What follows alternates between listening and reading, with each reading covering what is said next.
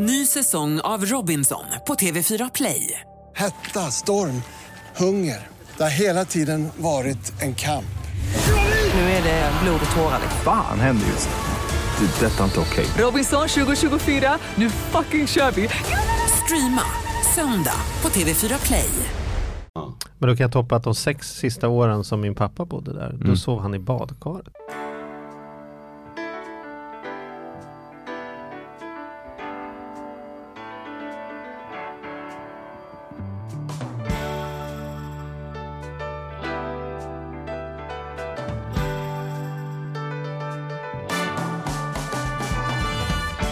Hej och välkommen till På riktigt med Charlie och Mattias. Tjena tjena! Tjena! Du, vi eh, ska ju stolt presentera Compriser som eh, vår sponsor. Och i slutet på programmet så kommer ni kunna höra tre snabba tips Då blir det med spännande. Kristina. Så eh, när ni tror att podden är slut så är den inte det. Då kommer det otroligt mycket matnyttiga tips. Mm. Hur är dagsformen då? Ja men dagsformen är jättebra. Mm. Du ser lite liksom- nyvaken ut. Så här. har, du, kom, har du nej, pratat? nej, Nej. nej för fan. Ja. Det är jag inte. Nej. Eh, ja, men det är bra tycker jag. Ja. Jag sover gott, det kanske är det det beror på. Jag sover, Jag känner inte igen dig när du har sovit gott kompis. nej, då, nej men det är bara fint. Men du, eh, hur har det varit nu så här i början på året då? Känner du att du har fått en, eh, är du på hugget? Det är absolut. Ja, Kul att vara hemma lite i Sverige. Ja. Eh, ska ju eh, faktiskt kan jag avslöja att snart blir, blir eh, flytt igen till, eh, för att vi har eh, köpt oss en lägenhet i Stockholm också. Så att, eh, Mm. så att nu är det mycket IKEA-runder och mått. Det är liksom, mängden tid jag går omkring med en tumstock har ökat dramatiskt. Mm. Och det är intressant att se det efter jag har stängt av det här liksom inredning, bygga, liksom, eftersom jag har bott i andra hand så länge, så liksom bara inte varit i den svängen alls. Så märker jag att det är som att återbesöka en gammal kompis. Att, Men är det kul då? ja, jag tycker det är jättekul. Ja. Alltså, jag, jag försöker inte fram med så mycket grejer, men det ska liksom möbler man och förvaring och liksom ska, säng som funkar och sådär. Så, att, så att, ja, men sånt tycker jag är kul. Och att hitta egna lösningar. Det bästa är ju när man, man som vi gör, har skaffat någonting som ska totalt bara liksom renoveras mer eller mindre bara liksom parketten som är kvar. Mm. Så finns det ju stora möjligheter att äntligen få det liksom så här, om allt var möjligt, hur skulle jag vilja ha det då? Annars- Ring, ringer du in farsan? Mm, pappa kommer i februari en runda. Ja. Så ska vi, eh, annars dels så är- uppskattar jag hjälpen, dels så är det ett väldigt skönt sätt för honom och mig att hänga. Mm. Eh, att ha liksom en kök, ett kök och liksom hänga upp det på. Eh, men sen tror jag också att pappa skulle bli ledsen om han inte Men hur lång tid tror du att det projektet. tar? Alltså innan ni flyttar, innan ni liksom flyttar in? det där, det där, nu är det politikersvar, vi får se. Nu måste vi gå till dagens gäst. För det här är ett ämne som jag är så otroligt nyfiken på och skulle Ja. vilja liksom veta mer om. Ja, Och det blir just att jag har, ja, jag har ju rätt mycket klienter och många har liksom, tycker jag, bra idéer och det, det säkert skulle kunna finnas fler som vill vara med på och, och starta sådär. Mm. Så att jag har rätt mycket frågor. Mm. Eh, Det ska bli superkul. Mm. Ska du göra eh, trudelutt och hej och välkommen och sådär? då? Ja. Du, du är så bra på det, du känns som en riktig Tycker programledare. Ja. Okej, så då tar vi och välkomnar in Tobias Adolfsson.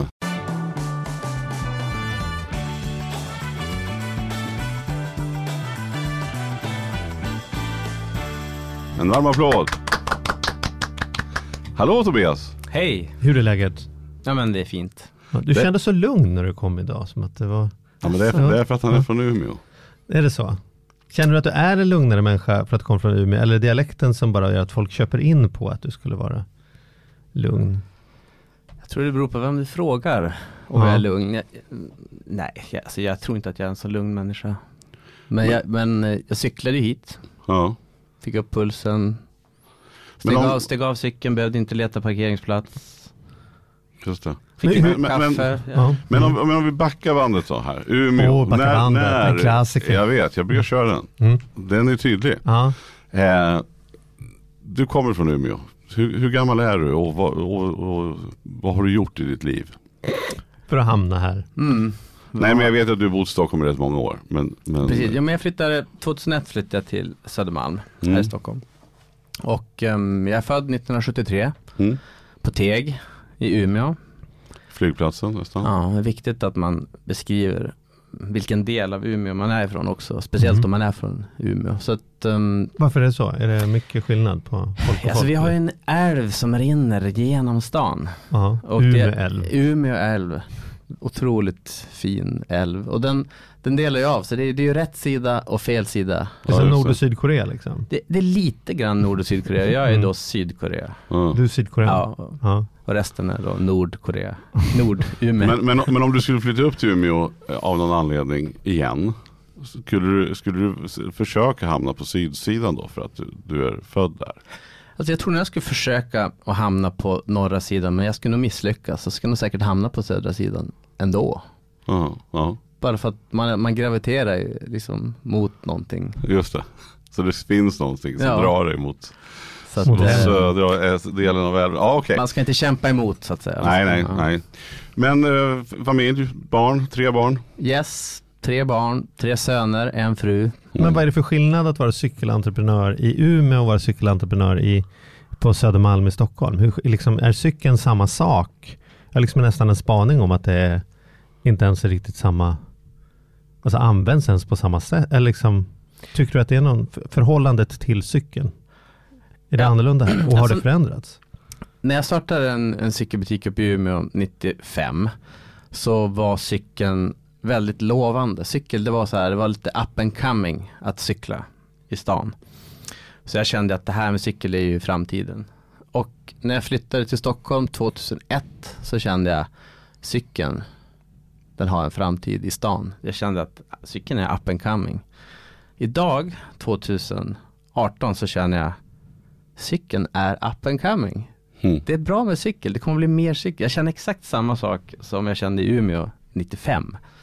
Häftigt. Så det är liksom ingen skillnad, det är bara det att skalbarheten på ens egna idéer och på cykelns möjligheter i Stockholm är ju liksom tiofalt.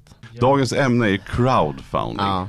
Och det är, Det är dit bara, vi försöker styra det här. jag försöker styra in det där för det tycker jag är fantastiskt i sin mening. Men jag skulle vilja vara, jag skulle, jag skulle vilja vara med lite och crowdfunda. Och, och I båda ändar? säga till Ja. många av mina, jag har jättemycket eh, klienter som jag jobbar med som är otroligt driftiga och påhittiga och sådär. Men ja, det faller nästan alltid på att, att få ihop det där första kapitalet. Liksom.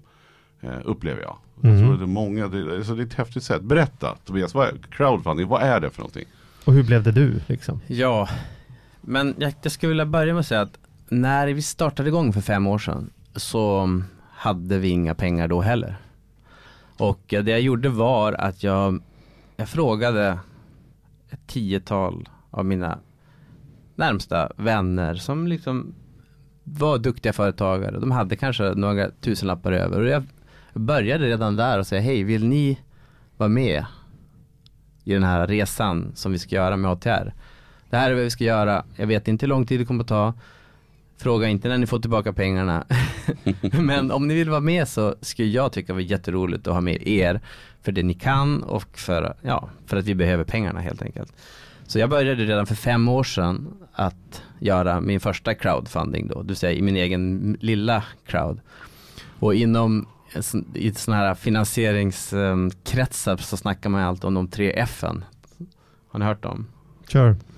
Friends, Fools and Family. Mm. Det är så man kommer igång. Ja. Det är nästan aldrig du går till banken och säger Hej, jag har en galen idé. Mm. Mm. De bara, ja bra, belåna huset. Mm. Då kan vi eventuellt låna ut dig pengar. Mm. Så att någonstans är det som att du måste få det här första breaket och då du måste börja där du är som närmast. Så det var det vi gjorde och vi kom igång. Och så när vi började känna att okej, nu, nu, nu fattar vi det här, nu vet vi, nu, nu vet vi vad vi ska göra. Vi vet vad vi, hur vi tänker att det här ska skala upp, hur vi ska bygga ett, em, ett system av det här. Då skrev jag en affärsplan och tog kontakt med en plattform som heter Funded by Me som jobbar med crowdfunding. Och då är crowdfunding, det här begreppet, det är equity crowdfunding, eller alltså crowdfunding i kapital. Det vill säga människor blir delägare i din verksamhet. De ger alltså inte en allmosa, Mm. de, de, de ger dig inga pengar Ehm, Istället för att sätta in det i någon sån här, jag sätter det i Sverigefonden, Ja, så sätter man det hos dig. exakt. Och sen så får man se vad det blir för avkastning. För det finns ju annars på många av de här säga, ja, men crowdfunding samlingsställena, apparna som finns så är det ju också ibland att man, man som sagt man bidrar och sen så får man om det är till någon som vill släppa en bok om pizzor i New York så, så Mm. får man en bok och, man, och, så- och så lägger man in ännu mer så får man tre böcker. Och Precis. Är det- lägger är man det in också väldigt, väldigt mycket så, Ja. så får man träffa p- pizza, pizzaägaren. Liksom, och, Ja. och lägger man in som mest då får man åka helikopter under New York och sen åka och äta pizza hos den här gubben. Typ, vad Typ. kallas en sån typ av crowdfunding för? Ja, det är också crowdfunding, men det finns ju crowdfunding, ni kanske känner till, eh, det finns ju plattformar som heter Indiegogo och Kickstarter. Mm. Den sortens crowdfunding byggde ju på en produkt ofta. Det vill säga Mm. att vi har en cykel vi vill bygga. Om du köper den här cykeln före vi har producerat den och betalar den före vi har producerat den så har vi råd att producera den. Mm. Och då var det kopplat till en produkt eller en tjänst. Det finns ju något som heter Patreon där många po- poddare har sin som plattform där människor kan bidra med pengar, skänka pengar för att en podd ska få finnas till. Just det. De som inte vill ha sponsorer till exempel. Så Mm. det finns olika sorters crowdfunding och det kommer ofta från kulturen. Jag vet inte om ni känner till att det var ju i det kulturella där crowdfundingen föddes. Det vill säga det var en, det kunde ha varit ett konstprojekt, det kunde vara en film som någon vill spela in eller en podd. Och det var där man började jobba med crowdfunding för att få luft under vingarna. Det handlar om att på något sätt ta in det kapitalet man behöver, antingen som ägare eller bara som kunder som betalar i förskott för att komma igång. Och då bygger det på sånt där man tror att kanske en riskkapitalist eller en bank inte vågar ta risken att spela in en film om nazister på månen. Men om det är tillräckligt många människor som säger att det låter ju skitkul, den vill jag verkligen se, jag är beredd att betala för att den blir gjord, så kanske den blir gjord på det och så kan man få in det sista från banken eller vad man behöver. Liksom. Typ Ja. så. Typ så. Man kan säga att det är ett sätt för människor att rösta med fötterna. Som i allt um, det marknadsekonomi handlar om. Alltså du stöttar det du vill se mer av. Mm. Eh, och det här är det, kan man säga, det yttersta beviset på att en människa som är konsument och kund kan bestämma sig för vad de vill se mer av och satsa på det och även kanske bli en vinnare tillsammans med det här bolaget då när eh, Eh, verksamheten växer och värderingen på den här eh, aktien i det här fallet ökar i värde och man känner att man har både fått se en bra produkt lyfta och man har fått tjäna pengar. Men, men om du då lägger ut den här, då la du ut då på Founded by Me. Så, så la du ut, du hade en affärsplan, du beskrev vad, vad ni skulle göra och sen så äskade du in, satte du upp till en viss nivå pengar då. Vi, vi kör det här upp till, jag vill ha två miljoner svenska kronor till exempel. Eller hur, hur mycket sa du att du ville ha in? Ja, men eh, om man rent tekniskt så är det ju en nyemission. Så vilket är en nyemission i vilket aktiebolag som helst så sätter man upp ett spann. Man säger att man ska ge ut si och så många aktier till en värdering som man har förutbestämt.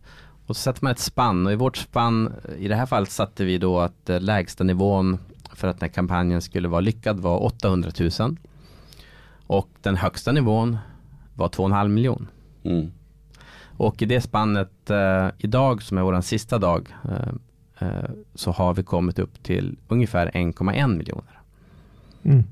Så kampanjen är lyckad, vi är superglada och tacksamma och eh, pirriga och Och hur många människor får du in som ägare då? 65 personer har hittills signat upp sig. Mm. Och vad betyder det? Och, då, men, och, och de här personerna, hur funkar det rent tekniskt då? Alltså jag, jag menar, du lägger upp det här och sen så går man in via appen och man registrerar sig, man talar om vem man är. Och sen så skickar man in en peng, helt enkelt.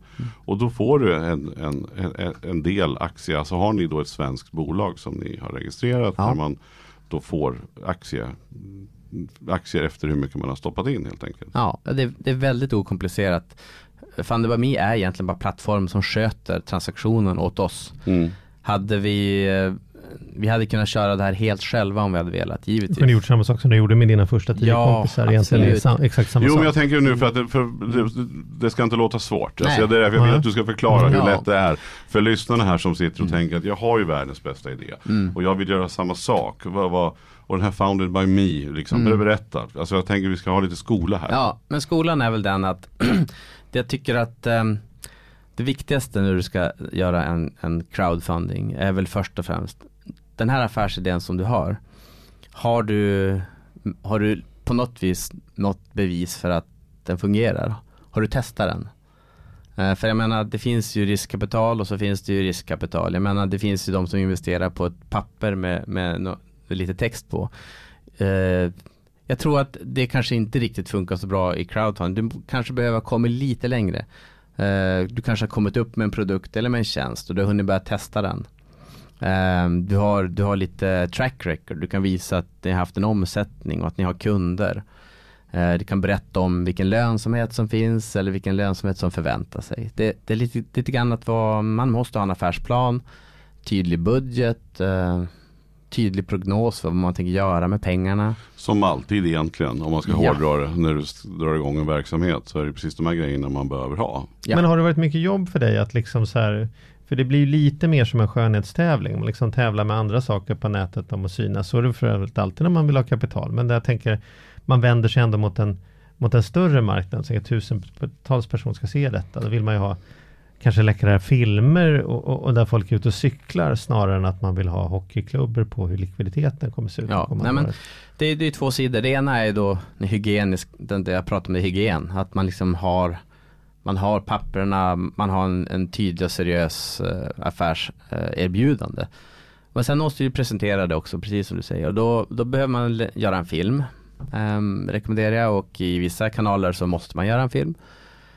I, I vårt fall så satsade vi väldigt mycket på att eh, dra ihop våra allra mest begåvade kompisar, även där. Mm. Och ehm, spela in en film som var ungefär två minuter där vi förklarar så kort och koncist vi kan. För det första, varför är det viktigt att vi finns? Eh, vad är det som gör att vårt företag är, är viktigt överhuvudtaget? Vad är det för någonting vi erbjuder? Vi pratar mycket om cykeln och missionen att få människor att cykla. Vi vill ju att människor ska begripa att vi, vi rider på en makrovåg av ökad cykelkultur, ökad cykling över hela världen. Så, och vi, vi vill ju att de ska förstå att det här är inte tänkt som en källarverksamhet på Södermalm utan att vi har en ambition. Och eh, det är det vi försöker då förmedla och ja, de många verkar tycka att vi har lyckats förmedla det. Vad roligt. Vad, Vad pass- häftigt det måste vara när man ser på kontot att det tickar in pengar då plötsligt. Ja, så det är ju Sitter du på hembanken då och kollar på företagskontot hur det Ja, det, det funkar inte så, utan man ser på plattformen när folk har signat upp sig för aktier. Det är Mm. så det funkar, man ser inte på kontot. Men du kollar på plattformen då, om vi säger Ja, så? ja men det, det, vissa gånger eh, då sitter man ju och uppdaterar den där eh, varje timme. Mm. Men sen kan man glömma bort det i en dag och så kommer man tillbaka och säger oj jäklar. Vad Mm. kul alltså det, Vad häftigt. Men det är också, mm, det, det, kampanjen ligger uppe i mm, en månad drygt, i 40 dagar ungefär. Och eh, det är Då mycket ska vi jobb. säga att när, när detta är sänt så, så när ni sitter och lyssnar på detta så är det för sent. Så detta är inget reklaminslag för att signa sig på cykel. då har- Utan det, Då har det utan det, precis, det, då det, gått har, det har gått Yes. över. Ja. Nej, vi, men man måste göra reklam och vi, den reklam vi har gjort, vi har försökt skapa, pusha våra poster på Facebook, i våra sociala kanaler, i våra nyhetsbrev till kunder. Jag har försökt berätta på min egen eh, Facebook och berätta för vänner och bekanta så att det inte är någon som har missat det här. Jag menar, jag är inte ledsen för att folk inte vill investera. Jag vill ju bara att alla ska ha möjlighet att investera. Och- valde ni, ja förlåt. Ja, ja, men kan man, hur, hur lite eller hur, alltså generellt, jag förstår att det är olika på olika, men hur, hur var det med eran kampanj? Hur lite eller mycket kunde man gå in med då? Eller mycket förstår jag att det inte fanns något tak direkt. Jo, vi hade ett tak på mycket också. Vi hade, men vi hade ett minsta tak var 10 aktier. Och i det här fallet var det då 737 kronor. Och vi satte den ganska lågt för att vi ville att kunder som inte egentligen kanske tycker att de håller på att investera och spekulerar med, med den här typen av att de kunde bara vara med för att eh, stötta som en eh, emotionell stöttning mer än någon sorts Mm, intellektuellt eh, just det. Jag fattar. Ja, så att vi, vi hade ganska låg, Mm. lågt Och eh, taket då? Taket satte vi till tror jag 290 000 eller någonting. Mm. Ja. Och, och sen då, men eh, allt när, när bolagen, nu hoppar jag lite framåt, vi får gå tillbaka till sen, men, men då tänker jag ändå när bolaget nu finns och är igång, eh, om någon vill sälja sina aktier och sådär, har, ni, har man något system för hur det där ska funka? För det blir rätt många delägare här. Ja, alltså vi är inte noterade på en Nej, på en Nej, det lista. förstår jag. Nej. Och aktierna finns i ett bolag med eh, klassiska hembudsklausul i bolagsordningen och det här är en teknisk term som ni säkert kan förklara bättre än mig men egentligen går det ut på att man kan inte sälja och köpa aktier hur som helst. Nej. Eh, Så har man köpt dem så måste man hitta någon annan som vill köpa dem. Man kan inte bara säga nu säljer jag dem tillbaks till dig. För du kan ju inte sitta och äga några eller bolag kan ju inte äga sina egna aktier. Nej, eh, jag som privatperson skulle teoretiskt sett kunna köpa dem då. Ja, Men, men men då frågan måste gå först till andra aktieägare. ja, exakt. Mm. Hembud betyder att det finns de som redan har aktier.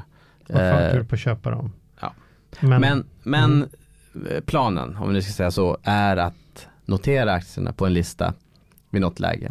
Mm. Eh, inte på en lista som OMX eller Stockholmsbörsen utan en, en mindre lista där, där vi kanske efter att ha gjort en crowdfunding eller två till, vem vet, där alla kan mötas och Men hur gör det här? Hur mycket betyder de här pengarna? För jag kan ju ena sidan känna så här, shit, det är ju massor med pengar. Fått in över en mille liksom.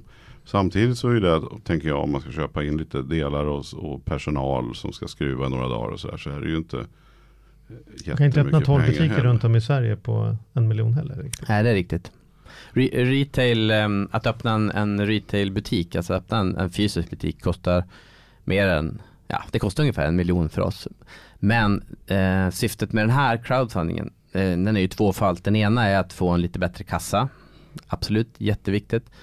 Men det andra är faktiskt crowdfundingen i sig, det vill Mm. säga att stärka banden med våra kunder som vi vet står väldigt nära oss. Mycket beroende på den affärsmodell vi har och på det sätt som vi säljer cyklar. eh, Så vi har en väldigt bra och nära relation med väldigt många kunder. Och vi ville ge dem en chans att vara med på den resan.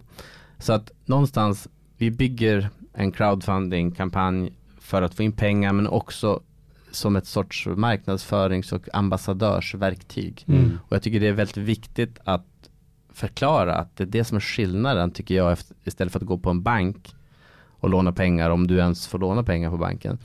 Du får alltså 65 personer i det här fallet som alla vill att ditt företag ska gå bra. Mm. När de 65 ska handla cykel och deras familjemedlemmar ska handla cyklar och deras grannar ska handla cykel så är det ingen tvekan om om de ska handla i sin egen butik eller någon annans butik. Då lär de ju komma att handla i sin egen butik. Det vill Det, säga den du driver. det känns som att vi har 65 personer till som vill driva våran mission. De har förstått cykelns plats, de har förstått våran roll på branschen. De tror att den är viktig och eh, tillsammans så kommer vi att bygga någonting väldigt mäktigt. Känner du att det finns, om man jämför med att gå med en bank, då är det ju på något sätt så här, eller om det hade gått till mig och jag hade gett dig 1,2 miljoner, då skulle, då skulle du skicka någon rapport till mig jämna mellanrum och så skulle vi prata om några strategiska beslut och så där, liksom. Men, men, du, men det, du skulle ju driva din affär. Nu har ju du 65, eller snarare 10 kompisar sedan tidigare, 75 och så, är det så här, det är ändå 75 personer, som många av dem kanske inte är helt mogna investerare, som du på något sätt måste ta hand nu då. Du, det, är ju, det är ju lite som att öppna upp lägenheten och ha 75 personer inneboende som bara har åsikter om vad som pågår och som kanske inte är insatta i din business riktigt. Säger, varför hör jag ingenting? Varför händer det inte mer här? Jag tycker det är för dåligt. Är du orolig för att ha en så stor grupp kanske omogna investerare då, som lägger sig i verksamheten? Alltså- för det är ändå deras aktier. Absolut, och man måste ju verkligen respektera att människor som har satsat pengar kommer att vilja och att ha rätt att säga sin, eh, sin sak. Och om man inte vill ha den typen av eh, feedback, om vi säger så, Mm. då ska man inte ge sig in i en sån här sak. Nu är det så att jag, jag har ju faktiskt från dag ett med mina tio första kompisar verkligen uppmuntrat dem att komma, komma in med feedback. Vi har haft regelbundna möten och pratat om affärsmodellen och möjligheter och vilka vägval vi ska ta. Och det kommer inte förändras nu när vi har ett större gäng, men vi kanske måste skapa ett annat em, forum för de här diskussionerna. Vi kanske inte kan ses en gång varannan vecka och, och ta en pizza, utan vi kanske måste ha ett em, forum Chattrum på nätet, ett chattrum. Vi kanske måste styra upp det där lite mera. Eh, men grund och botten, om du inte vill ha åsikter från människor om din business, då ska du ju se till att äga allting själv.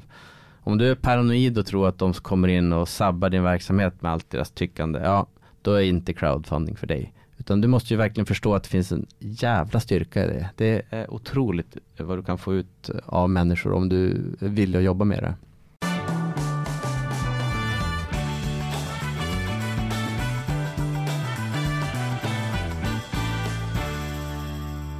Hur kom ni på det här då, med, med crowdfunding? För det känns som att du började ju ändå tidigt med att fråga vänner och bekanta. Var det, var det så du kom på att ja, man kan ju ta hjälp av andra? Eller var, har du hela tiden haft den här crowdfunding-tänket med dig? Att vi börjar med, med de tre. F'n liksom. Mm. Eh, och sen så, så ska vi nog köra det här via en plattform så småningom.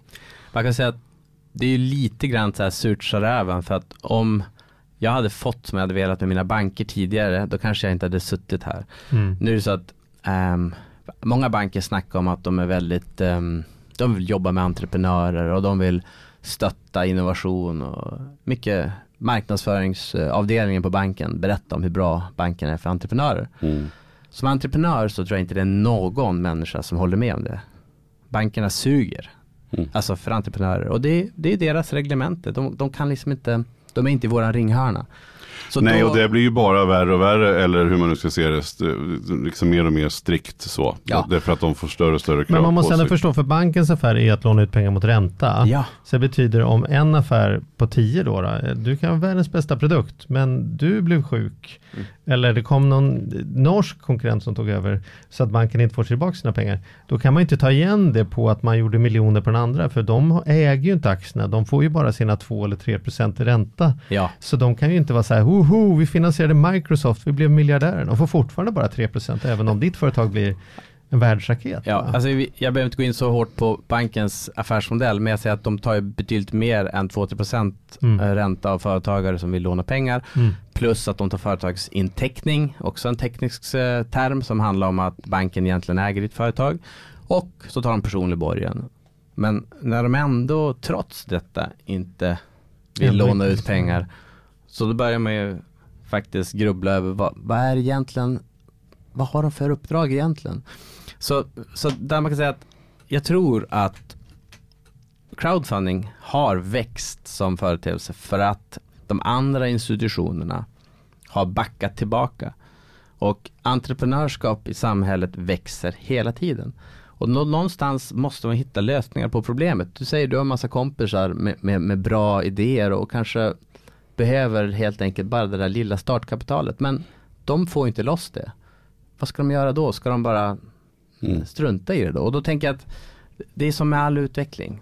Den ena personen backar lite grann, någon annan går framåt.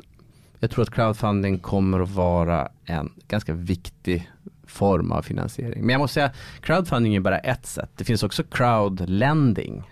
Eh, jag vet inte om ni känner till plattformar som lånar ut pengar Mm och inte, de är inte en bank utan de går ut till sina medlemmar, sin crowd och frågar om de vill låna ut lite pengar till en viss ränta till en viss risk i visst antal månader. Till någon märklig cykelhandlare på Södermalm. Ja, Mm. jag menar och det, det är ju exakt lika bra. Jag menar en del är mer bekväma att låna ut pengar än att bli delägare. Men hur sätter man upp, för du pratar om plattformar, men för att gemene man här nu då ska förstå, om det är någon som, är, som det är oklart då, som, som Founded by Me till exempel, har du ju som en app i din mobiltelefon. Där du går in och tittar och så presenteras olika roliga projekt som man kan gå med, med i där. Men hur många sådana finns då? Hur, ska man, hur kommer man igång? Liksom? Är, är det svårt eller finns det oseriösa sådana här aktörer? För det är väl alltid så att man man är ju lite skeptisk till alla, alla, alla appar som finns. Och ska jag våga sätta på platstjänster och ska jag våga släppa in här och ska jag använda mitt mobila bank-id? Ja men du fattar. Ja, absolut. Hur, hur, och det är också kanske tråkigt att bara gå till de största. Sådär. Men, men hur många finns det och vilka, hur, varför valde ni och hur ska man tänka? Sådär? Ja, så jag, jag har inte total koll på hur många som finns, men de två största plattformarna i Sverige är, Funded by Me och Pepins. Mm. Och de jobbar ungefär likadant. Frågar du dem så säger de att de jobbar helt olika givetvis. Men man kan säga att för mindre projekt som vill komma igång fort eh, så är Funded by Me enkelt. För lite större projekt som kanske redan har en större omsättning och som behöver mera pengar så är Pepins lite bättre. Men, men i grund och botten det finns, eh, funded, nej förlåt, det finns crowdfunding-plattformar i andra länder, det finns i Finland, det finns i England, det finns i Tyskland. Så att, eh, och de jobbar ofta över hela Europa. Så att, eh, Men hur tjänar de pengar då? Founded by me? Vad tar de en avgift på all, allt insatt belopp? Eller hur? de, de tjänar pengar på en procent på det kapitalet som vi drar in i kampanjen och den procenten är lite varierande. Men, men i grund och botten är de precis som vilken investmentbank som helst förr i tiden. Om du kom till dem och sa hej jag behöver 100 miljoner då sa de ja vi tar 10 procent på de pengar vi drar in och det är ungefär samma ekvationer som gäller i crowdfunding-världen. Och, och rent administrativt då kring de här, då, de rapporterar och sen betalar de ut. De samlar in pengarna först och, och så och sen så betalar de ut. Nej, de betalar inte utan eh, Det går direkt. varje individ betalar direkt till vårt In, ja, in, bankkonto. precis. De investerarna Mm. betalar direkt via banken. Men det viktiga att komma ihåg är att det är ingen som behöver betala till oss förrän dess att kampanjen har blivit lyckad. Så att om inte vi hade nått upp till våra 800 000 då hade de här anmälningarna upp innan dess hade ju bara försvunnit och då, då hade vi sagt tack för att ni trodde på oss men då hade rundan inte blivit av.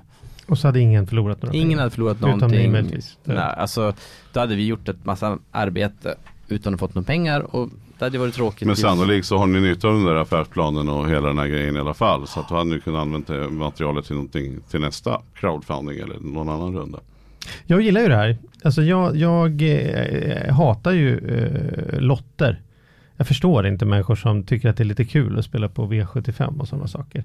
Eh, folk får ju göra precis vad de vill, men det är inte min grej. Däremot så, så tycker jag sånt här inte är betydligt ro, roligare om man nu tänker att man vill in, leka med lite pengar och vara inne. Det är mycket mer engagerande att vara en liten, liten del av en cykelhandlare än än att liksom sätta pengar på att häst nummer 12 ska springa fortare än andra hästar. Liksom. Eh, för det är ju ändå en högrisk eh, investering om, för den som är från utsidan. Så säger jag inte att det är på hästnivån högriskinvestering, utan det är förstås mycket bättre än så. Men det blir ju den där liten heja på samma laget-grejen. Det gillar jag jättemycket. Jag kommer ett fåtal artister som jag liksom har sett när de var förband och sen blev stora eller liksom jag hade första skivan innan de breakade. De artisterna blir man lite extra glad helt omotiverat när man hör på radion och säger så här, det där är mitt band, liksom lite så. Så att jag tycker det här är bra, men hur, hur tänker man i den ändan då? Om man, om man är intresserad på att bli någon som gör sin lilla crowdfunding-portfölj Liksom, jag sätter av tusen kronor i månaden att kliva in i lite olika sådana här mer eller mindre galna projekt. Hur sorterar man? Hur sållar man? Hur tänker du när du eh, liksom Mm. tittar runt? Vad är det som låter för bra för att vara sant och vad är det man letar efter? För som sagt, jag kan ju tycka cykeln är jättesnygg, men det är ju inte det som avgör om vi tjänar pengar eller inte. Det är ju om Mm. det finns folk där ute som kommer vilja köpa om ni går med vinst eller inte. Nej men så är det ju. Hur, tänk, tror- hur tänker man som crowdfundare? Liksom? Ja, om jag ska vara ärlig så tror jag att nästan, jag tror inte att ehm, det är så många som har tittat på vår affärsmodell och faktiskt baserat sin investering bara på att de tror att vi kommer att lyckas gå och göra tio gånger pengarna inom tio år eller fem år. Jag tror det är väldigt många som är ganska emotionella i sin investering. De har köpt en cykel av oss, de trivs med, med vårt koncept, de har sett uppsidorna men de behöver inte vara duktiga på att läsa en balansräkning för att, för att göra en investering. Så att det finns den gruppen. Sen finns ju de, några stycken som har stoppat in lite mer pengar. De skulle ju aldrig ha gjort det om de inte förstod att ehm, den här matematiken verkligen går ihop. Så jag tror att beroende på vem du är och vilket du- hur mycket pengar du har att förlora till att börja med. Mm. Eh, det är alltid en klassisk investeringsgrej. Alltså du ska aldrig investera mer än du har, har råd att förlora i, i riskpapper. Det, så är det ju alltid. Men man har alltid... Men å andra sidan om det blir tio gånger pengarna är det ju tråkigt om man bara satt med hundra spänn. Ja. För då blev det tusen och det Visst. var en middag. Liksom. Jag tror att, jag tror att eh, du kommer vara lika glad då för då kommer du känna Ja. att det var, var mäktigt att den här verksamheten fick luft tack vare mig. Ja. Eh, oavsett om du köpte aktier för 737 kronor. Så att, Och du tycker det är så man ska se på crowdfunding, att, att man, att man eh, använder de här apparna som ett sätt att stödja olika typer av affärsinitiativ som jag tycker borde finnas snarare än att här tror jag att jag kan få eh, självklart bättre avkastning än om jag, om jag går till banken och sätter dem i eh, lämplig fond med låg förvaltningsavgift. Liksom. Alltså jag, jag har väldigt svårt att säga hur folk ska tänka men jag kan säga att jag tror att det är okej att tänka så också. Mm. Det är helt okej att tänka väldigt emotionellt.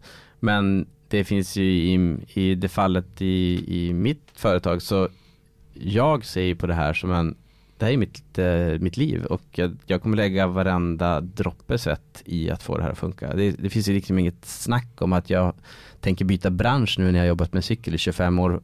Jag älskar ju cykeln och jag tror att många känner det och de, de förstår att det är, liksom, det är här på allvar. Vi menar verkligen att vi ska ha 100 butiker om ett antal år. Men, vad, men, men också, är det inte så också att vi människor, jag upplever att jag och mina vänner runt om upp den här känslan att man har hittat någonting, det här emotion- emotionella som du pratar om. Att om man har hittat en liten restaurang och gärna om den är som en tål i väggen eller någonting. Så, så, så när man själv upplever att fan den här, man får känslan av att det här, den här, jag, den här har jag hittat. Liksom. Nej men då, då, då, är, då sprider man gärna det där till höger och vänster och tycker liksom fan ni måste gå till det här, har ni sett det där stället? Ja. Liksom. Ja. Oavsett vad det är egentligen, eller produkter eller vad som. Så, så när man upplever att det, man har en del av någonting eller att man känner att man har varit med och hittat det. Så sprider man det. Så, så det, återigen bara på det som vi pratade om in, inledningsvis. Att just nu så har du då 65 ambassadörer för, för, för, din, för ditt företag.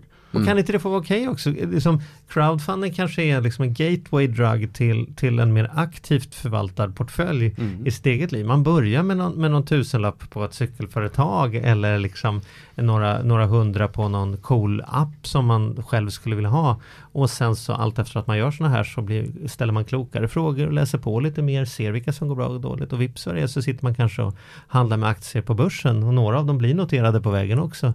Ehm, jag tror att jag tror att säga, det här är någonting som jag skulle kunna göra med min son. Liksom. Nio bast skulle han kunna välja ut vad han tycker så är roligt och inte roligt. Vad han, vad han gillar och inte gillar. Liksom. Så att, eh, Ja, Ja, jag lite, tycker jag också blir att lite pepp på detta. ja, Jag, har- jag jag har också. inte faktiskt gjort detta. Nej, ja, jag var Eh. med hos den där, jag pratade om den där New York-grejen där. Att jag, var, Mm. jag var tvungen att se om det, att det funkar liksom. Man fick en t-shirt liksom. Mm. Men, men eh, varför, varför se, det var, det var bara roligt. Ja, men köpa grejer har jag. Ja. Alltså min klocka som jag fick i julklapp som jag har, det är ju en sån crowdfunding som Ja.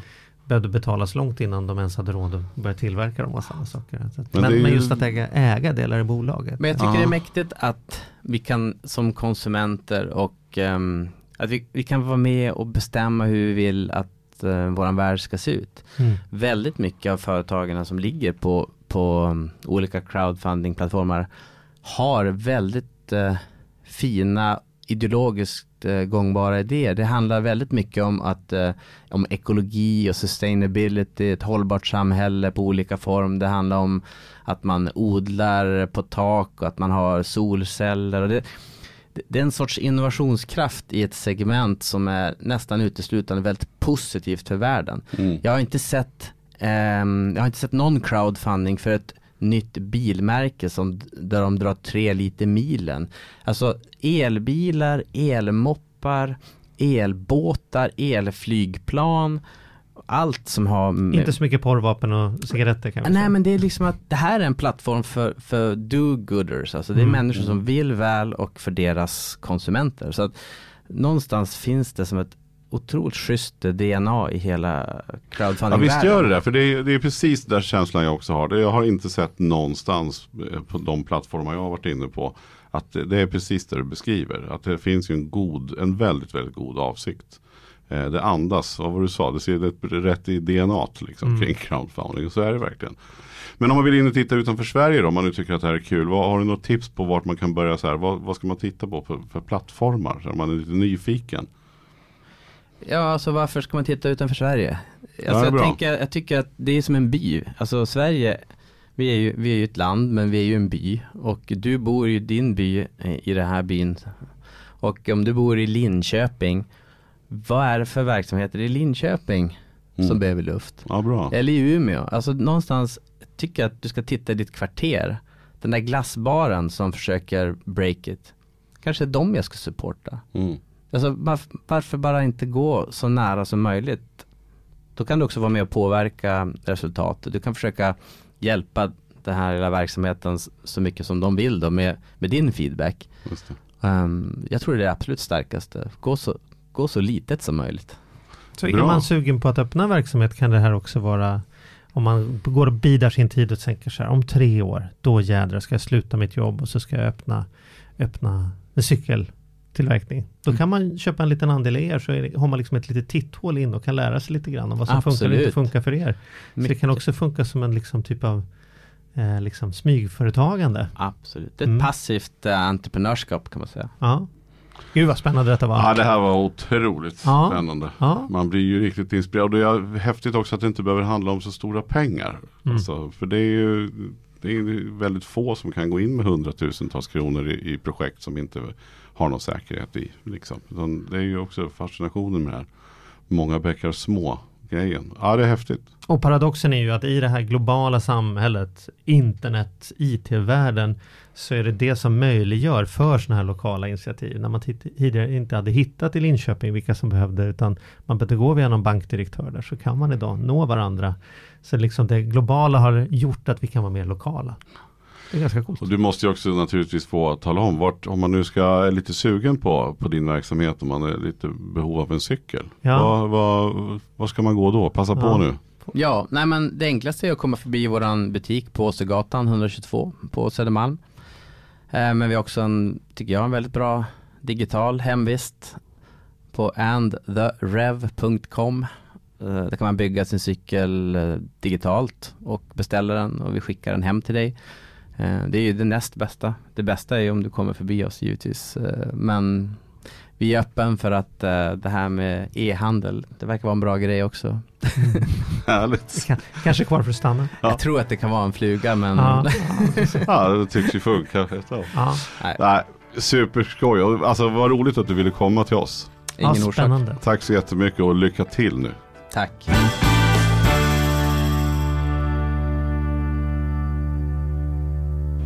Veckans snabba med Compriser och Kristina. Ja, Idag är ett bra ämne. Jag älskar att spara. ja vad härligt. Jag älskar tesen om spar. Tesen om spar. Ja, precis. så vi ska prata sparkonto idag alltså? Ja, vet inte. Vad säger du Kristina? Ja, jag tänkte det. Spara på kort sikt tänkte jag att vi ska prata. För det är jätteviktigt att sparar man på lång sikt så ska ju pengarna in på börsen för det är där de ger avkastning. Men pengar man behöver inom några år, bufferten, det man behöver liksom använda kanske både till resor eller till renoveringar, det ska vara på ett sparkonto. Hur mycket tycker du att man ska ha? Nu får du en riktigt het puck i knät här. Hur mycket ska man som svensk ha på sitt sparkonto för att säga att det här är en rimlig buffert?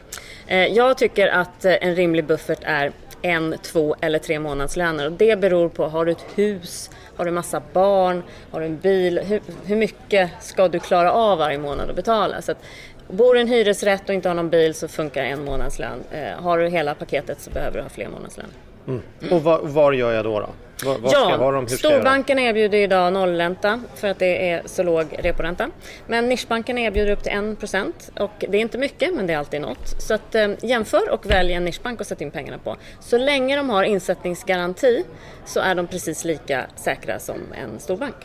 Men det kan väl också tänka så här. Jag tycker ju ändå så här. Det viktiga är ju att man sparar och har en liten buffert. Verkligen. Viktigare kanske ändå än vilken bank och sådär. Men, men det är väl Absolut. smart att gå in och jämföra tänker jag. Men, men det viktiga är väl ändå att, att det blir gjort. Det viktigaste är att man sparar, precis.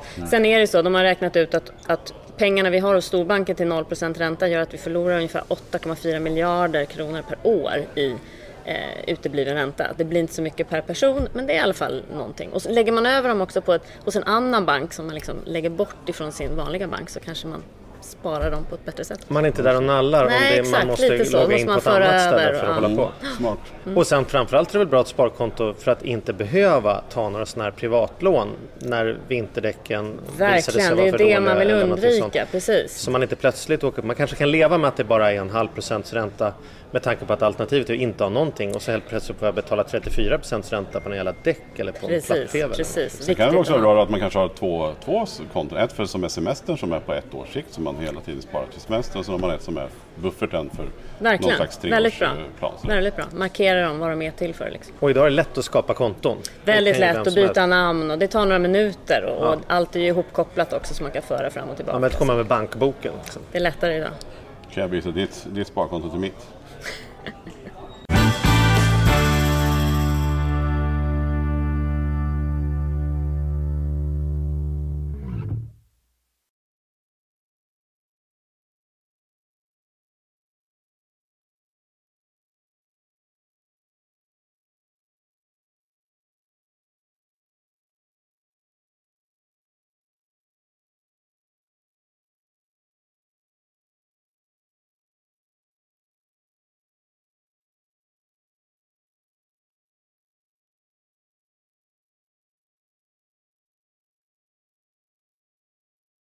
Ny säsong av Robinson på TV4 Play. Hetta, storm, hunger. Det har hela tiden varit en kamp. Nu är det blod och tårar. Fan händer just nu. Det. är Detta är inte okej. Robinson 2024, nu fucking kör vi! Streama söndag på TV4 Play.